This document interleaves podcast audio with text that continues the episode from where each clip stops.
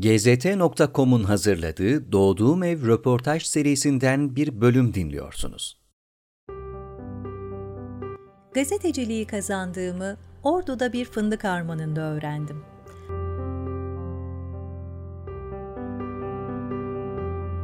Ordu'nun küçük bir köyünde doğan duayen gazeteci Ekrem Kızıltaş, maddi sıkıntılar içinde geçen çocukluğunu, okumak için verdiği büyük mücadeleyi, darbe dönemlerine denk gelen üniversite yıllarını, Milli Türk Talebe Birliği çatısı altındaki koşturmalarını, çatıyla başlayan Kadir Mısıroğlu'nun sebiliyle devam eden dergicilik günlerini ve 27 senesinin geçtiği Milli Gazete dönemini doğduğum ev için anlattı.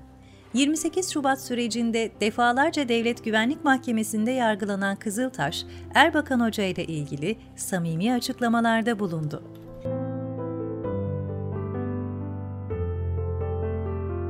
Nasıl bir evde doğdu Ekrem Kızıltaş? Neler hatırlıyorsunuz o eve dair?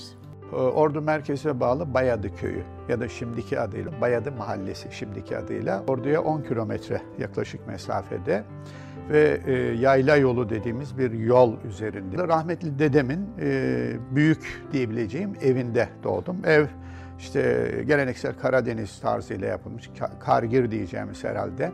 Altında ahırı, üstünde de yerleşim yeri ve çatısı olan bir yer.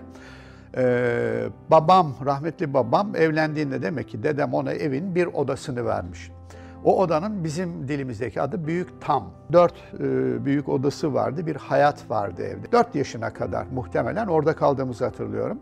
Ve ben özellikle nedense yaz aylarını ve uğrayan hemen herkesin, rahmetli babaannemin yaptığı o çok büyük bir tencerede e, muhafaza ettiği ayranı içtiklerini hatırlıyorum ve oyranın tadı hala mesela damağımdadır benim. Uğrayanın çok olduğu, neredeyse gece gündüz sürekli e, köyün başka noktalarına gidecek insanların uğrayıp selam verdiği, belki soluklandıkları, işte bir şeyler içtikleri, bazen eğer atsalar bir şeyler yedikleri bir evdi.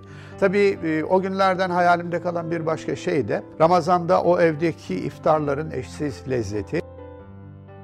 Babanızı her zaman göremediğiniz doğru mu? Ne iş yapardı kendisi? Babam memur. Biz köydeyiz işte 10 kilometre mesafe. Tabi o zamanlar şimdiki gibi vasıta e, neredeyse yok gibi. Tahmin ediyorum hafta sonları gelirdi babam. Çünkü aslında 10 kilometre ama e, her akşam gelip sabah dönmeye değmiyordu diye hatırlıyorum. Toprak İskan Müdürlüğü diye bir yer vardı. Orada e, işte müstahdem olarak başladığını hatırlıyorum babamın. Giderek orası daha sonra YS, Yolsu Elektrik diye bir devlet kurumu vardı. Onunla birleşip köy, köy hizmetleri il e, müdürlüğü ismini aldı. Babam ve müdürün yürüttüğü işler biraz daha fazla yük binmiş olmalı ki bir ara 35-40 kişiyle görülmeye başlandı. E, orada da ilgi çekici olan şu idi. E, babam artık oranın çekirdeğinden yetişme olduğu için ben daha çok orada çalışanlardan hanımları örgü örerken beyleri de 3 taş, 9 taş oynarken falan hatırlıyorum. Babam emekli olduktan sonra ilgi çekici olan bir başka şey de bu galiba. 4-5 ee, sene sürekli olarak haftada birkaç gün e, sabah gelip araba onu alırdı. E, bordroları, şunları bunları tanzim etmesi için babamı tekrar çağırırlardı. Çünkü hiçbirisi anlamıyordu. Bilgisayar da yoktu o dönemlerde.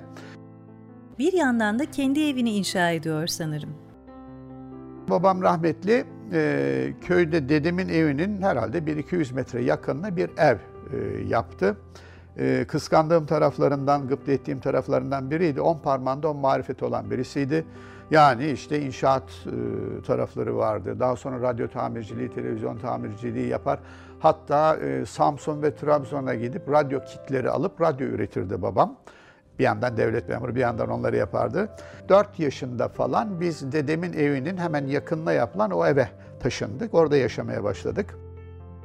Köy okuluna başlamışsınız ama kayıt olmadan. Neden öyle oldu? Ben e, ilkokula köyde başladım. Bayadıköy İlkokulu'nda. Herhalde beş buçuk yaşındaydım. E, yaşları bana yakın olan iki ya da üç amcamla e, okula gittiğimizi hatırlıyorum. İlk götürüşleri o oldu.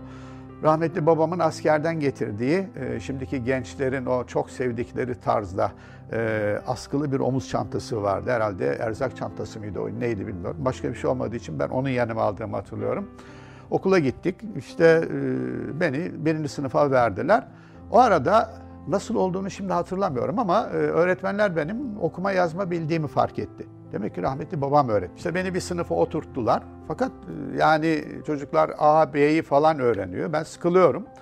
Sonra e, ben okul içerisinde gezip dolaşmaya başladığımı hatırlarım. Adeta maskot gibi bir şey olmuştum. Hamza'nın e, Kara Dursun'un Ekrem e, olarak. Tabii e, birinci sınıf güya bitti. O ara e, baktılar benim kaydım falan yok. Niye? Yaş küçük. Beş buçuk yaşındayım. Sonra Allah kerim denildi. İkinci sınıf tekrar başlayacağında amcamlarla tekrar okula gittim. Gene problem olmadı ee, ve ikinci sınıfta e, köyde okudum.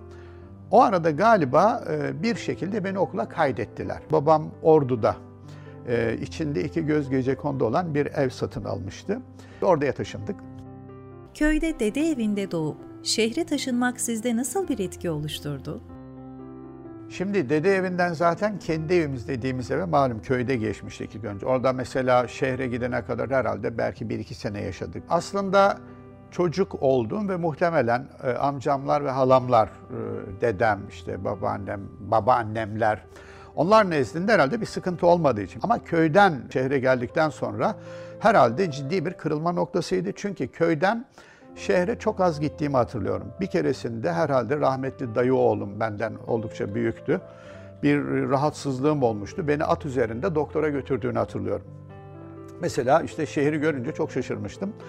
Köyde biz arabaları işte evimizden arabaların yoğun yoğun olarak derken günde 3-5 tane araba geçerdi.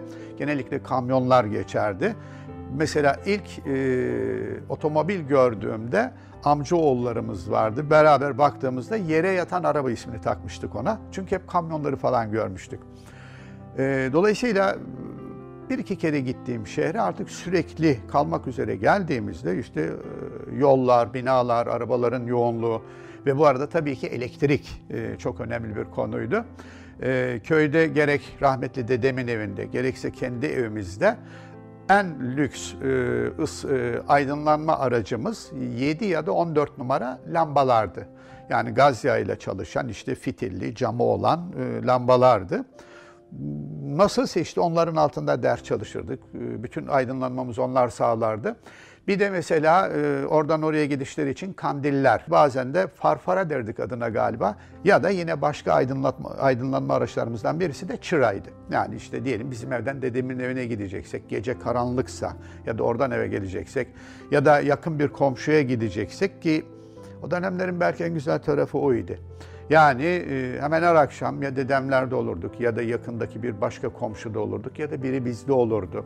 Özellikle fındık mevsimlerinde işte beraber mısırları ufalama, ovalama ya da mısırları daneye ayırma işlemlerini beraber yapardık. Diyelim yoğun bir şekilde belki e, meyveler, e, efendim bir takım sebzeler, fasulyeler, şunlar bunlar ay, ayıklanır, ayrılır, kurutulur. Hani kışlık hazırlıklar falan yapılırdı. Bütün bu süreçleri e, o komşularla beraber bir tür imece anlayışı içerisinde yapılırdı. Bu da zannediyorum çok çok sıcak bir havaydı. Şehir e, bu anlamda ciddi bir farklılık oluşturdu. O gürültüsü, kalabalığı, işte yoğunluğu ki ordunun nüfusu herhalde diyelim 60'ların ortalarında geldiğimizi farz edersek herhalde 30 bin civarındaydı. Yani yine de nispeten küçük bir şehir ama işte 3-500 insanın yaşadığı bir köye nazaran baktığınızda da devasa bir şehir şehir gibi geliyordu insana. Okul açısından bir farklılık oldu mu? Tabii e, okul e, meselesi de garip oldu. Ben köydeki ilkokulun maskotu gibiydim.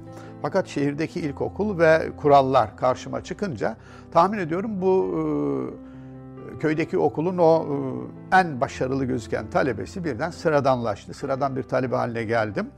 Bir de ilginç bir şey vardı. İlk öğretmenim şehre 3. sınıfta başladığımda ilk öğretmenim rahmetli babamın beraber çalıştığı işte müdürün kızıydı.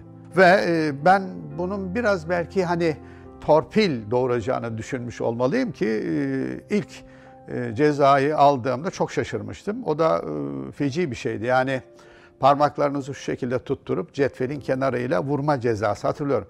Çok vahşi bir şey değildi ama gene de şaşırtıcıydı. Ve ondan sonra nispeten basat bir talebe haline geliverdim. Ordu'dasınız artık. Şehre geçtiniz ama sanırım babanızın inşaat işleri devam etti. İnşaat çabası tabii şöyle sürdü. Şehre artık geldikten Bir süre sonra babam rahmetli herhalde o aldığı 225 metrekare bir arsaydı galiba. Onun borçlarını bitirmiş olmalı ki evin arkasında e, bir biz toprağı düzlemeye başladık. Ben işte rahmetli birader, küçük kız kardeşim, rahmetli annem, komşular e, hep beraber top hafif bir meyil vardı. Onu öncelikle düzledik. Daha sonra işte birileri geldi oraya bir takım temel e, işaretleri koydu. O temeller kazıldı ve ben her aşamasında herhalde artık e, 12, 13, 14 yaşlar olsa gerek her aşamasında çalıştım. Mesela beton dökülmesi konusunda, duvar örülürken biriket e, ve tuğla taşıma konusunda, mozaik döküldüğünde onların silinmesi konusunda falan hemen her aşamada fiili olarak çalıştığımı hatırlıyorum. Evin masraflarından ötürü maddi sıkıntı da yaşamışsınız. Siz çalıştınız mı hiç? Tabii ki. İlkokul 3'ten itibaren e, ne yapabiliriz? Orada eski devlet hastanesinin yakınındaydı evimiz. Orada baktık işte birileri ayakkabı boyuyor falan. Ve ben e, bir şekilde nasıl olduğunu bilmiyorum ama işte ayakkabı boyamaya başladım. Harçlık e, çıkarmak açısından da bu. Bir iki günlük bir simitçilik, simit satma hikayem oldu. Orada ne olduysa o işi bıraktım, sevmedim. Ortaokuldan boşta gezdiğim sıralardaydı. Bir iki sene boşta gezme hikayem vardır benim matematik yüzünden. Ama boyacılık sürekli yaptığım bir işti. Bu arada o usta amcam başka evlerde çalışırken beni çağırırdı. Mesela biriket taşıttırırdı, işte harçlık verirdi. Ee, herhalde biraz daha e, toparlandığımda çimento taşıdığımı hatırlıyorum. Bir sene sürekli gazete satıcılığı yaptım. Diğer bir sene de bir avukatın yanında e, büro memurluğu yaptım. Bu da benim için çok hoş bir şey oldu. Ee, işte ortaokul sondan boşta, ortaokuldan e, işte tek dersten boşta gezen bir çocuk, bir avukat bürosu, kocaman bir dos, dosya dolabı, yüzlerce dava dosyası. Ben o zaman işte ufak bir temizlikten sonra genellikle otururduk. Gelen giden çay söylenirdi falan. Ben neredeyse o e, dosyadaki bütün klasörleri okudum.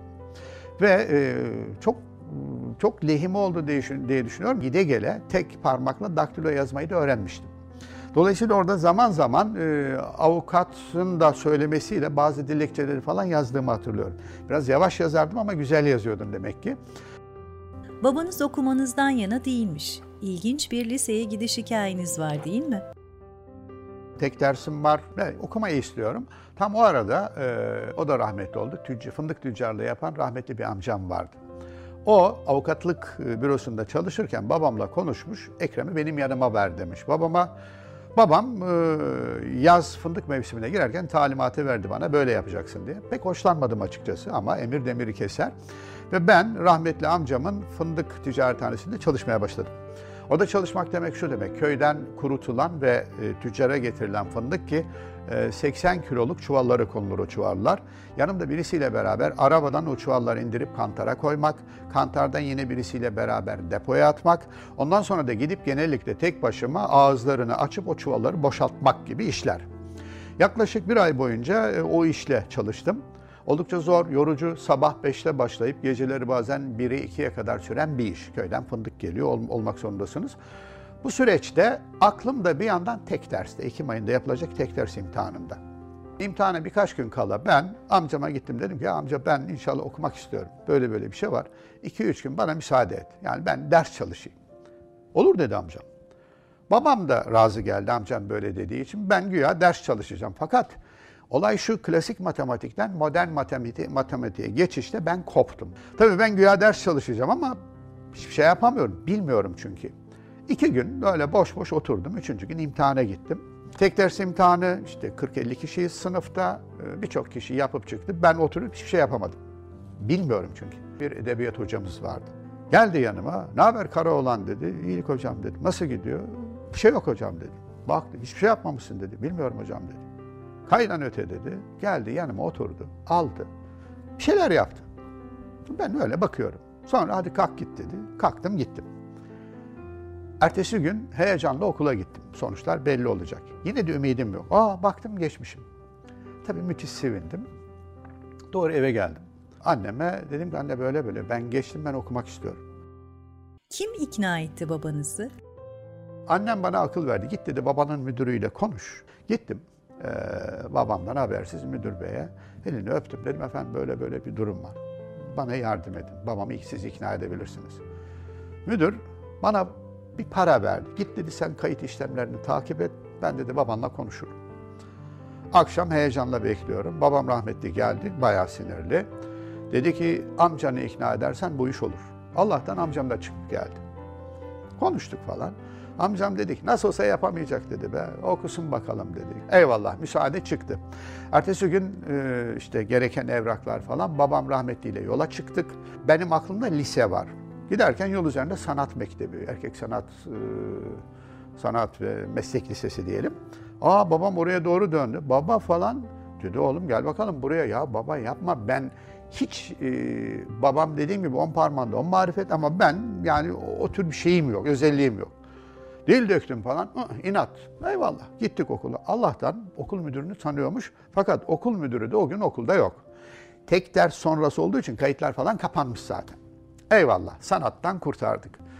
Yola çıktık. Lise tarafına doğru gidiyoruz. Yol üzerinde ticaret lisesi var. Hayda babam döndü ticaret lisesine. Baba yapma etme ben matematikten süründüm biliyorsun iki sene bu okul tümüyle işte ticaret lisesi temeli matematik yapma etme falan filan ne olursun ne olursun hayır. Tekrar oraya geldik orada da olmayacağı anlaşıldı. Nasılsa gittik lisenin önüne. Ordu Lisesi'nin önü ana baba günü. İşte soruldu kayıtlar kapandı yok mümkün değil falan gibi cevaplar alındı.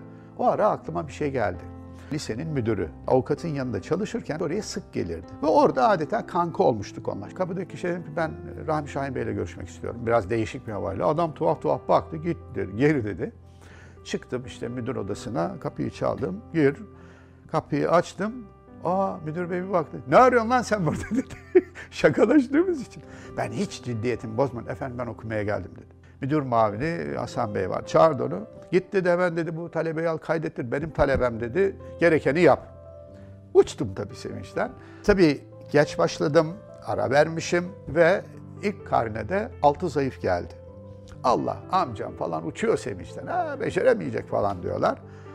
Ne olduysa ben ahdettim. Elhamdülillah sınıfı geçtim. Üniversiteye gitmeye nasıl cesaret ettiniz?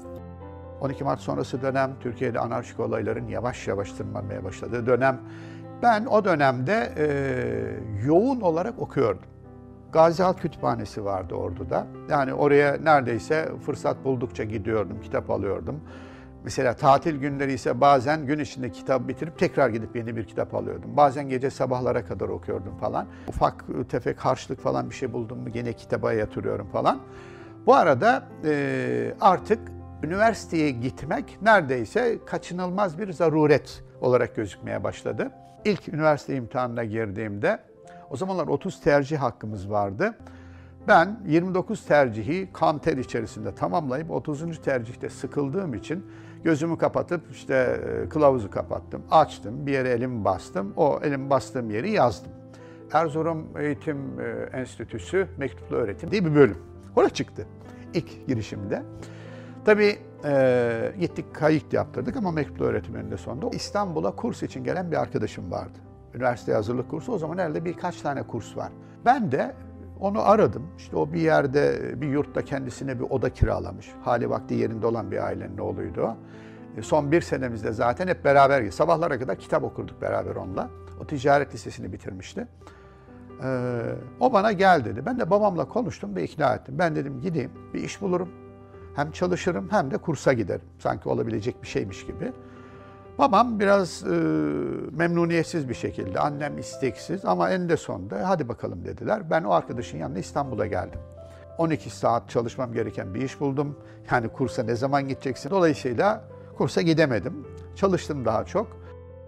Yurt günleri nasıldı? Yurt e, benim hayatımın en önemli dönüm noktalarından birisi oldu. Çünkü ortaokuldan boşta gezdiğim bir sene rahmetli babam ya da annem bana bir gün niye namaz kılmıyorsun dediler. Her ikisi de namazın da abdestin. Ben de olur dedim namaz kılmaya başladım. Fakat daha sonra liseye falan girdiğimde iş o, tavsadı o.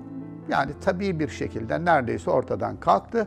Fakat İstanbul'a geldik o arkadaşla beraber Devrim Talebe Yurdu diye bir yurtta kalıyoruz. Bir odamız var. Orada böyle akşam sabah oturup dururken ya biz niye namaz kılmıyoruz? Şehzadebaşı caminin hemen orada İstanbul Büyükşehir Belediye'miz orada bir yurttu. Namaza başladık. Sonra duyduk ki bir yurt var, beş vakit ezan okunuyor, temiz işte, beş vakit cemaatle namaz var. Ya niye oraya gitmiyoruz falan diye Konya yurduna geçişimiz öyle oldu. Ve orada e, İslami hayat tarzını benimsemiş, benimsemiş insanlarla beraber bulunup genellikle işte okumalar o tarzda oldu falan. Ve e, üniversite imtihanları yaklaştığında ben oradaki ağabey dediğim insanlara işte ben, beni tanıyorsunuz, biliyorsunuz. İnşallah üniversite imtihanına gireceğim. Ne tavsiye edersiniz? Genellikle bana iki şey söylendi. Bir, gazeteci ol sen dediler. Ya da biri de edebiyat ağırlıklı. Ben o zaman hatırlıyorum, e, altı tercih yapmıştım. Bunun dört tanesi Türkiye'de var olan gazetecilik okulları. İmtihana girdim. E, sonuçları orada da bir e, fındık harmanında öğrendim. Birinci tercihim olan İstanbul Gazeteciliği kazanmıştım. Ve ilginçtir, e, orada puanlarıma baktığımda e, birçok kimse ya keşke tıp yazsaydım falan demişlerdi. Yani niye böyle oldu, nasıl oldu onu da bilmiyorum ama demek ki yapmıştık. Dolayısıyla böylelikle İstanbul'a geldim. Tabii o daha önceki toplamda 6-7 ay kalışım İstanbul'u tanımak, bilmek açısından herhalde bir tecrübe oluşturmuştu. İstanbul'a geldim, orada da şansım şu oldu. O yurtta kaldığım süre içerisinde Milli Türk Talebe Birliği'ne gelip gitmeye başlamıştık. Orası o dönemde ciddi manada e, güzel eğitimler veren bir yerde, güzel faaliyetler yapılıyordu. Gazeteci olma noktasında size şevk veren bir durum var mıydı? Lisede okuduğum yıllarda ben Milli Gazete okumaya başladım. Yani bir yerden tanıştım. İşte Milli Gazete okumaya başladım. Ve dolayısıyla Milli Selamet Partisi ve onun tezleri sıcak geldi bana. Ara dönem yurtta kaldığımda işte namaz, abdest ve orada çeşitli sohbetler ve okumalar sırasında tabii ki belli bir bilince gelmiştim ama üniversite e, ve gazeteciliği seçerken de idealizm şöyle vardı ben okumalıyım. Ben gazeteci olmalıyım. Milli Gazete okuyup işte tercih olarak gazeteciliği seçtiğimde şöyle bir niyetim vardı. Ben inşallah bu okulu bitireceğim ve bu gazetede çalışacağım. Gazetecilik okumaya başlıyorsunuz ve çatıda mesleğe ilk adımlarınızı atıyorsunuz. Nasıl oldu?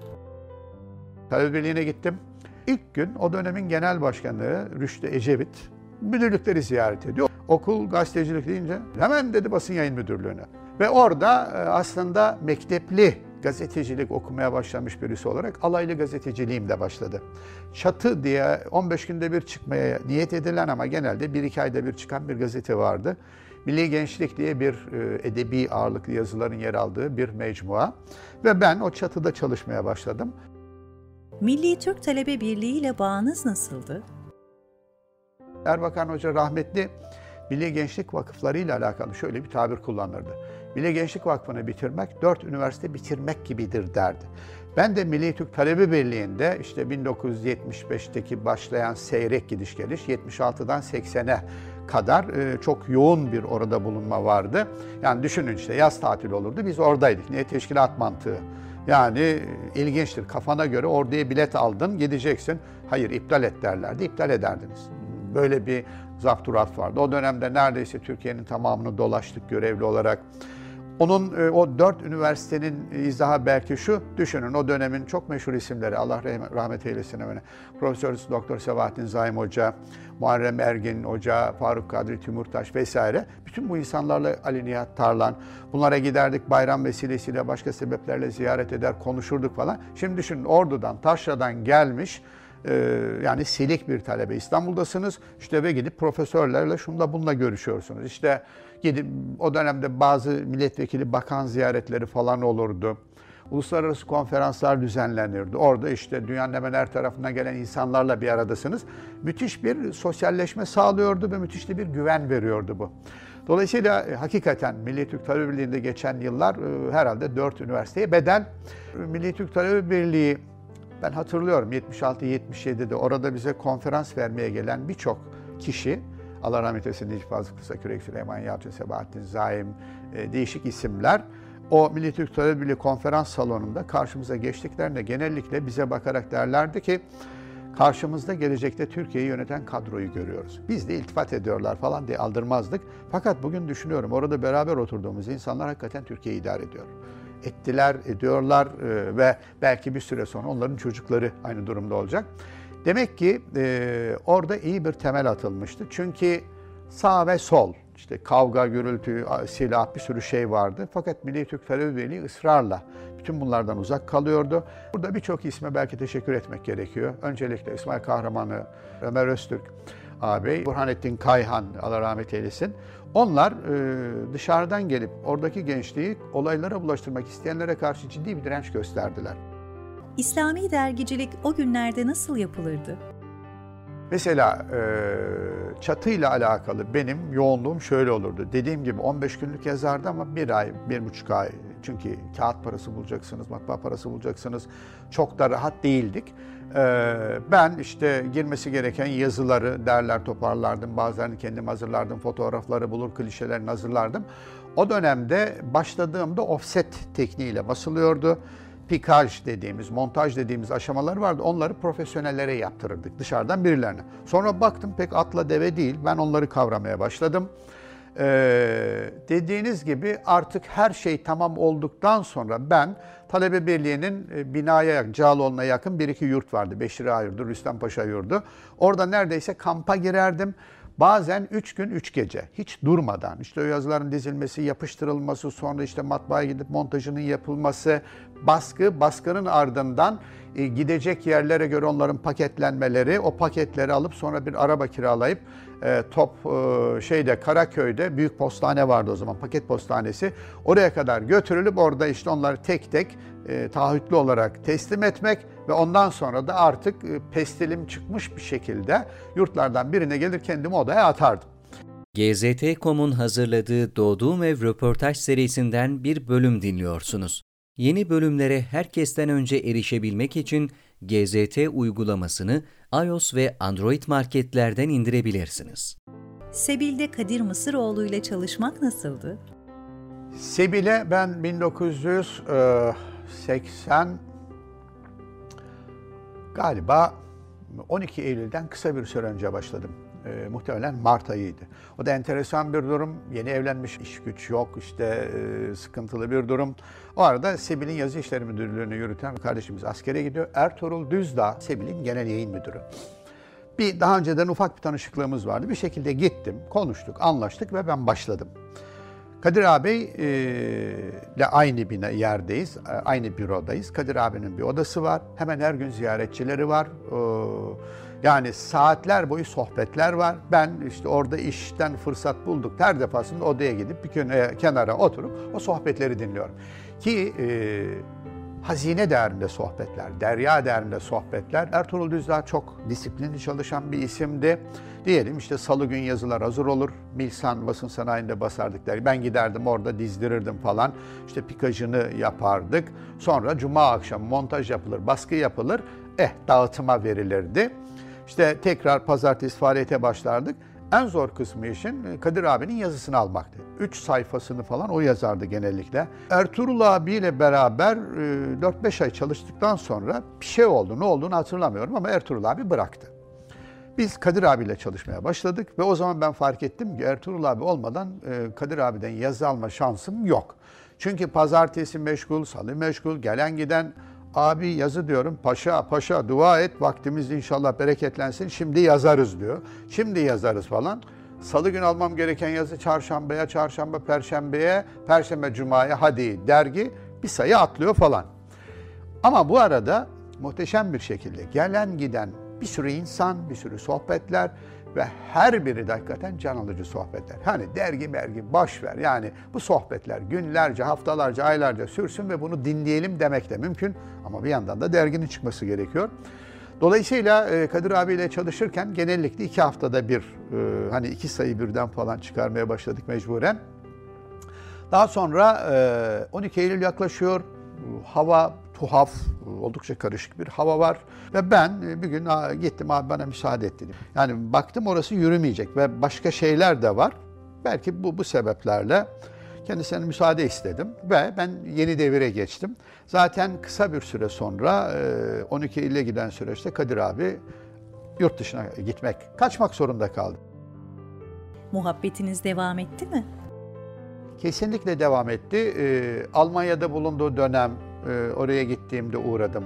81'de Yeni Devir'den ayrılıp Hikmet yayınlarına geçtiğimde E, Sebil yakın. E, sürekli gidip geliyorum, ilgileniyorum falan onlarla. O arada e, tekrar hani çıkarmak niyetindeler. Ben dedim ki ben elimden geleni yaparım size. Ve ben destek oldum. Sebil, Kadir abinin Almanya'dan gönderdiği yazılar, işte Türkiye'den toparlanan yazılarla Sebil'i o arada hani periyodik olarak değil ama Sebiller çıkardı. Milli Türk Terör Birliği'nde çatıyla uğraşırken offsetle başladım. Daha sonra yanda Fatih Gençlik Vakfı matbaasında tipo olarak çıkarmaya başladık. Bu başlı başına farklı bir teknolojidir. Ve ben e, ihtiyaç duyduğum her şeyi öğrenme içgüdüsüyle tipoyla nasıl iş yapacağımı da öğrendim. Anladığım bir iş olduğu için elimden geldiği kadar yardımcı oldum onlara ve e, devam etti. Tabii döndükten sonra da karşılaştığımızda ben ona göre paşaydım. E, benim hürmetim, onun da herhalde sevgisi hep devam etti. Allah gani gani rahmet eylesin. Bence e, bütün hayatı hakikaten mücadeleyle geçen bir insandı ve e, Türkiye'ye çok şey kattı diye inanıyorum ben. 90'lı yıllar için kayıp yıllar diyorsunuz. Neden? 90'lı yıllar kayıp yıllardı, şu açıdan kayıp yıllardı. 12 Eylül sonrası Türkiye kapalı bir ülke, işte döviz, şu bu, suç, ee, yani e, akla gelebilecek her şeyin suç olduğu bir dönem. Ee, Özal rahmetli bir takım atılımlarla falan belli şekilde ülkeyi açtı. 90 sonrası Türkiye'de 80 sonrasının 90'da odaklaşan gelişmeleriyle bir hakimiyet kavgası başladı. Bu e, yaşayan insanların pek farkında olmadığı, daha çok yukarıda sivil ve askeri bürokrasinin hakimiyet kavgasıydı. Tabii ki Türkiye üzerinde hesap olan dış güçlerinde müdahil olduğu bir kavgaydı bu. O süreçte mesela e, Türkiye'de e, faili meçhullerin çok artması, e, çok tuhaf olayların yaşanması, devletin doğrudan içinde olduğu düşünülen bir takım olaylar yaşanması gibi şeyler yanında bir de Türkiye'deki hakim zümreler devletin varlıklarını ucuza kapatıp devlete pahalıya satmak yoluyla üretim ve istihdamla hani Türkiye'yi e, biraz daha geliştirmek yerine Türkiye'yi içine doğru büzerek e, neredeyse biraz dışarıdan sömürülmesi, biraz da içeriden kendileri sömürmek suretiyle e, Türkiye'yi kör topal bir hale getirmişlerdi. Erbakan Hoca'nın en büyük başarılarından birisi 96'da bunun farkına varıp mesela havuzu ya da diğer adıyla kamu ortak hesabını getirmesiydi. Birçok insanın anlamadığı şey şu. Devletin parası olan kuruluşunun parasını %50 ile bankalarını alan birileri aynı parayı devlete yüzde 120 ile borç veriyorlardı ve böylelikle ticaret yaptıklarını söylüyorlardı. Devlet sağ cebinden sol cebine para koymak için reel olarak en azından e, yüzde 70 yüzde 80 haraç ödüyordu birilerine. Erbakan Hoca bunu durdurdu. Ve o zaman Türkiye'nin aslında ne iç ne de dış borca ihtiyacı olmayan, olmadığı cari harcamalarını karşılayabileceği ortaya çıktı. O dönemin rakamları çok ilginçtir. Yani normal şartlar altında her şeyin iyiye doğru gitmesini beklersiniz fakat sürekli birileri bir şeyleri tırtıkladığı için her şey kötüye doğru gitmektedir. Ve e, işte 28 Şubat herhalde bunun zirve noktası oldu. 28 Şubat'a gelecektim tam. Sizin açınızdan 28 Şubat nasıl geçti? 28 Şubat e, yani adeta bir karabasan gibiydi. Ben Milli Gazete'nin başındayım hem genel yayın müdürlüğü diyelim, yazı işleri müdürlüğü unvanıyla hem onu yapıyorum hem de sorumlu yazı işleri müdürüyüm. Yani ceza, asliye ceza mahkemeleri, sulh hukuk mahkemelerine gidip gelmenin yanında ağır ceza bile eyvallah ama devlet güvenlik mahkemesinde yargılanmaya başlıyorsunuz. Devlet Güvenlik Mahkemesi. Şimdi düşünün yani ben yapı olarak devleti seven ve hakikaten yani en de sonunda devleti için her türlü fedakarlığın yapması gerektiğini düşünen bir insanım. Çocuklarımı da böyle yetiştirdim. Ama düşünün devlet güvenlik mahkemesinde yargılanıyorsunuz. Niye? Yani bu devletin daha iyi olmasını istediğiniz için. Ciddi bir travmaydı ve o dönemde 28 Şubat 97 28 Şubat'ta başladı denilir ama bence daha önce başlayan bir süreçti. Hangi suçtan yargılandınız? Gazeteden dolayı. Yani gazetedeki yayınlar. Öyle enteresan bir şey ki 97-28 Şubat'ından sonra Devlet Güvenlik Mahkemesi her ay bir dava açmaya başladı. Önce İhsan Süreyya Sırma Hoca'nın yazılarından bir dava, iki dava, üç dava. En son hocama gittim dedim ya hocam yani bir şey yap çünkü taktılar sana belli ki. Savcıya gidiyorum. Sayın savcım diyorum yani yok bunda böyle bir şey. 312'den yargılanıyoruz tabii. Bana göre var diyor. O zaman farkına vardım ki gazeteyi satır satır okuyor. Hatta e, avukatım üzerinden kendisine bir teklif gönderdim. Emekli olduğunda Milli Gazete'nin sorumlu yazı işleri müdürlüğünü teklif ediyorum ona. Çünkü çok ciddi okuyordu. Ama e, bir ara bir ay mesela inat ettim. İdeolojik açıdan 312'ye takılmayacak e, yazılar yayınladım hep. Müsaade de aldım diğer yazarlardan. Fakat ay bitti. Her ay bir dava açıldığını fark etmiştim. Ay bitti. Mine Alpay Gün'ün romanla alakalı bir yazısından dolayı, bildiğimiz işte edebi romanlarla alakalı bir yazısından dolayı 312'den savcı dava açtı. O zaman dedim ki ha demek ki ben ağzımla kuş tutsam da her ay bir dava açılacak. Açıldı. Ee, tabii bunun yanında Türkiye'nin hemen her yerinde, her kurum ve kuruluşla alakalı, her mekanizma ile alakalı inanan insanlara yönelik ciddi bir baskı başladı. Yani en sıkıntılı tarafı da İmam Hatip'te okuyordu kızlarım. Bir akşam 99 yanlış hatırlamıyorsam gün gören Anadolu İmam Hatip'te okuyan kızım eve geç geldi. Herhalde ortaokul. Geldi ağlıyor. Hayırdır kızım? Baba işte polisler bizi okulun önünden aldı. Evet. E, Şişli'de götürdüler. Boş bir arazi, otobüsle boş bir araziye bıraktılar. E işte oradan beri yürüyerek geldik. Çıldırdım. Çıldırdım. Ya arkadaş ortaokul çocuğu. Şimdi aklıma geliyor. O onları alıp oraya götüren polislerin arasında belki o çocukların arasında çocuğu olan da vardı. Götürüp oraya bırakıyorlar. Niye? Çocuklar başlarını açmıyor diye. Şimdi e, bu türden müthiş travmalar yaşandı. Adam okulun kapısında duruyor. Niye? Giremezsin. Neden? Böyle. Kanunu. Hangi kanun? Cevap yok. Efendim anayasa. Hangi madde? Cevap yok. 98 Ekim ayıydı. El ele özgürlük zinciri diye meşhur bir yürüyüş, yürüyüş oldu. Orada ben 3 gün, 4 gün gözaltında kaldım. Şimdi beni çağıran emniyet amiri, oturuyoruz. Şimdi sorumlu yazı işleri müdürlüğü de olduğu için doğrudan gözaltı uygulayamıyorlar bana. Sonra bir ara dedi ki ya kanunlara karşı geldiniz. Hangi kanunlar dedim. Arkasında kütüphane var. Belli ki akademi mezunu, genç bir emniyet amiri. Hangi kanunlar? Bir sürü kanun var dedi. Başörtüsüyle ilgili dedim. Var mı kanun? Bir sürü var dedi. Dedim arkanızdakiler kanun kitapları mı? Evet. Bana dedim bir tane gösterebilir misiniz? Adam bir durdu, baktı, baktı. Ben size söyleyeyim dedim. Yok. Var YÖK kanunu ek 17. madde orada da diyor ki yürürlükteki kanunlara aykırı olmamak kaydıyla kılık kıyafet serbesttir diyor. Dedim ki siz şanslısınız. Niye dedi? Güçlü bir savcı olsa dedim hepinizin anasını ağlatır. Okulların kapısını o polisleri nasıl götürüyorsunuz siz diye dedim. Hepinizin canını okur ama siz dua edin ki dedim yönetimde onlara ses çıkarmayanlar var. Yani bu, bu tür şeyler yaşandı ve herkes kendi payına sıkıntı çekti. Bu ülkenin insanı olan birilerinin bu ülkenin insanlarına yapmaması gereken alçakça şeylerdi. Türkiye'de hala bugün kahramanmış gibi ortada gezen birçok insanın aslında ne kadar kof olduğunu, ne kadar basit olduğunu anlamamıza vesile de oldu bir yandan. Milli Gazete'nin sizin için anlamı nedir? Milli Gazete'de benim 27 senem geçti. 84'te başlayıp, 80'deki yeni devir bölümünü saymıyorum. 84'te başlayıp Erbakan Hoca'nın vefatını 2011 e, Mart ayına kadar giden bir süreç. 21 senesi yazı işleri müdürü unvanıyla genel yayın müdürü ki onun da ötesinde neredeyse matbaası şunu bunuyla birçok şeyle ilgilenirdim. Birçok şey benden geçerdi. Kalan 6 senede de işte yazar, yayın danışmanı, bir dönem matbaa genel müdürü olarak hizmet verdim. Şimdi baktığımda ben 8 çocuk babasıyım adeta Milli Gazete'nin çocuklarımdan birisi ve belki de en torpillisi olduğunu düşünürüm. Çünkü uzun yıllar orada çalışırken bayram, tatil, cumartesi, pazar, gece gündüz olmadan e, ciddi şekilde benimseyerek çalıştım. Benim açımdan başlangıçta biraz önce söyledim okula girerken inşallah bu okulu okuyacağım ve bu gazetede çalışacağım diye girmiştim. Cenab-ı Hak nasip etti. 84'te başladım ve ondan sonra e, benden önce 12 senede 23 kişinin gelip geçtiği bir makamda bu gazete Ümmetin gazetesi doğru bir şeyler yapması lazım. Ufak tefek problemler olabilir. Kan kusar, kızılcık şerbeti içtik deriz anlayışıyla e, yıllarca orada çalıştım. Ve e, biliyorsunuz onun Milli Gazete'nin işte 73'te kurulmuş 80-90'ların ortalarına kadar neredeyse tekti. Ve o dönemde hak davayı dile getirebilen, eksik fazla önemli değil, dile getirebilen tek organdı ve hemen herkesin yolunun geçtiği bir mektepti de. Bir başka şey de şu belki, insansınız, işte meslek, e, maişet için bir şey yapmak zorundasınız. Cenab-ı Hakk'a şükürler olsun diyorum. E, inancıma uygun bir e, yerde, e, başka yerde olabilirdim. Başkasının kılıcını sallamak zorunda kalabilirdim.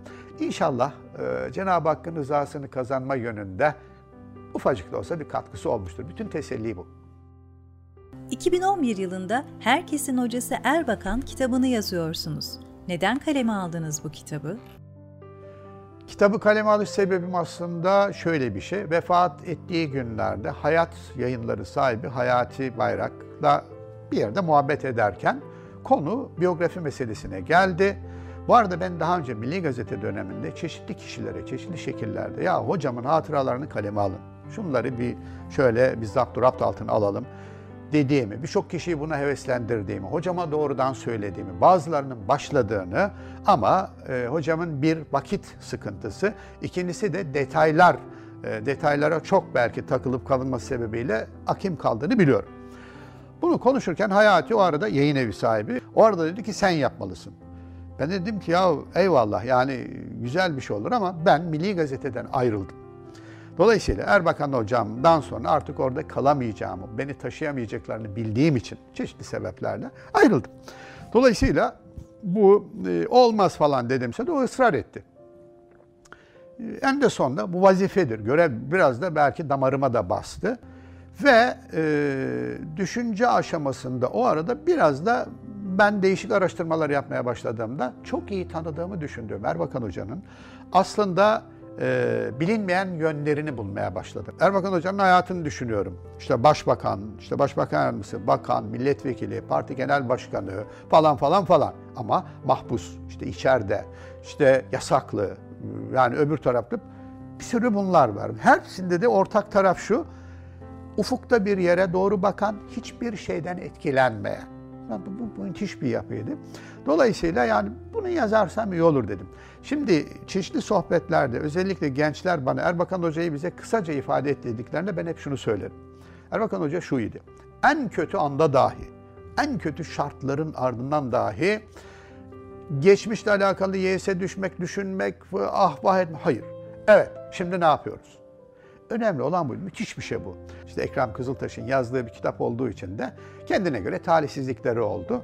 Ama e, şu bana yeter. Mesela Şevket Bey, Şevket Kazan kitabı kendisine gönderdikten sonra beni aradı. Ki Şevket Kazan Refah Gerçeği isimli oldukça muhteşem bir kitaptır o. Bence o dönemiyle alakalı en değerli toplu bilgi o kitap 28 Şubat dönemini en iyi anlatır. Refah Partisi'ni en iyi anlatır. Beni arayıp bana söylediği şu söz yetiyor bana. Allah senden razı olsun. Tekrar dedi arşive dalacaktım. Kalemi kağıdı elime alacaktım. Okudum. Gerek kalmadı. Dolayısıyla eyvallah dedim. Bunun yanında camia dışından e, diyelim ki e, bir takım insanların da arayıp teşekkür ettiklerini hatırlıyorum. Biz Erbakan Hoca'yı böyle bilmiyorduk. Böyle öğrendik, teşekkür ederiz diyenler olunca dedim demek ki vazifemi yapmışım. Bir tür belki vefa borcu e, olarak. Dolayısıyla hani iyi ki yazmışım diyebileceğim bir şey. Gazetecilik mesleğinde 40 yılı geride bıraktınız. Gazetecilik üzerine ne söylersiniz? Sevilerek yapılabilecek bir iş. Dolayısıyla herkesin lay lay lom zannettiği, dışarıdan göründüğü gibi olmayan bir meslek olduğu için e, süreç içerisinde bir takım cefalarına falan katlanılması gereken, en de sonunda yaptığım işin insanlara bir katkısı e, oluyordur herhalde diye teselli bulunması gereken bir iştir. Kur'an-ı Kerim'de Cenab-ı Hakk'ın bize emrettiği işte adil olma, doğru olma e, şiarlarına mümkün olduğu kadar dikkat ederek, Efendimizin, Peygamber Efendimizin uyarılarına, yine büyüklerin uyarılarına mümkün olduğu kadar dikkat ederek objektif ki Müslümanın zaten hali odur. Yani bize bütün emirler objektif olmamız yönündedir. Gazeteciliklerin de sonunda objektifliktir. Yorum ayrı bir şeydir. Yani derler ya haber kutsal, yorum hürdür falan diye laflar var. Dolayısıyla e, en de sonunda hangi meslekte olursak olalım zorlukları vardır. Burada mesele şu, insan niçin çalıştığını düşünüp ben e, en de sonunda inşallah riya değildir. Yani en de sonunda bu insanlara hizmettir ve yani inşallah Cenab-ı Hakk'ın rızasını kazanan bir şey yapıyorumdur. Yani en de sonunda en güzel tarafı o.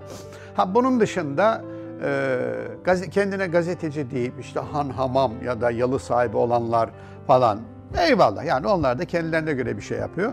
Ama önemli olan insanın bu dünyada, e, bu dünya bir şekilde geçiyor. Rızk Allah'tan, rızk bir şekilde geliyor. Önemli olan öbür dünya.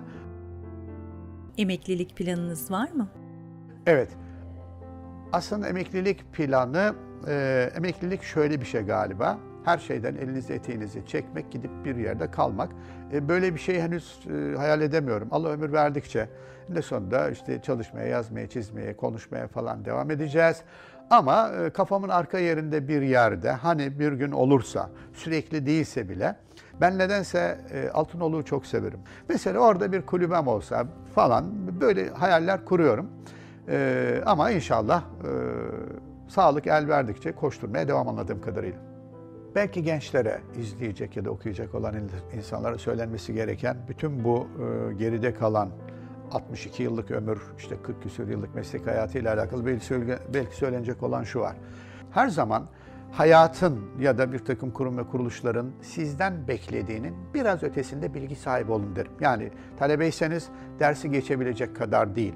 O dersi öğrenmeniz gereken ve sizden beklenenin biraz üzerinde öğrenin diye söylerim. Dolayısıyla gazetecilik aslında bunun belki en e, ciddi karşılık bulduğu yerdir. Bir de genel bir tavsiye olarak insanlar Cenab-ı Hakk'ın emir ve yasakları konusunda mümkün olduğu kadar dikkatli olurlarsa, emirlere mümkün olduğu kadar uymaya, yasaklardan mümkün olduğu kadar kaçınmaya çalışırlarsa e, en azından hayatlarının daha iyi geçeceğini onlara söyleyebilirim tecrübelerimle. E, bu bence çok önemli çünkü günübirlik e, düşüncelerle e, bir takım sıkıntılara falan girmek, belki riskli alanlarda dolaşmak yerine en sonunda Cenab-ı Hakk'ın rızasını düşünerek hareket etmek hem bu dünya hem de ahiret için çok iyidir diye düşünüyorum. GZT.com'un hazırladığı Doğduğum Ev röportajını dinlediniz. Bu röportajı izlemek ve diğer bölümlere erişmek için gzt.com uygulamasını indirin.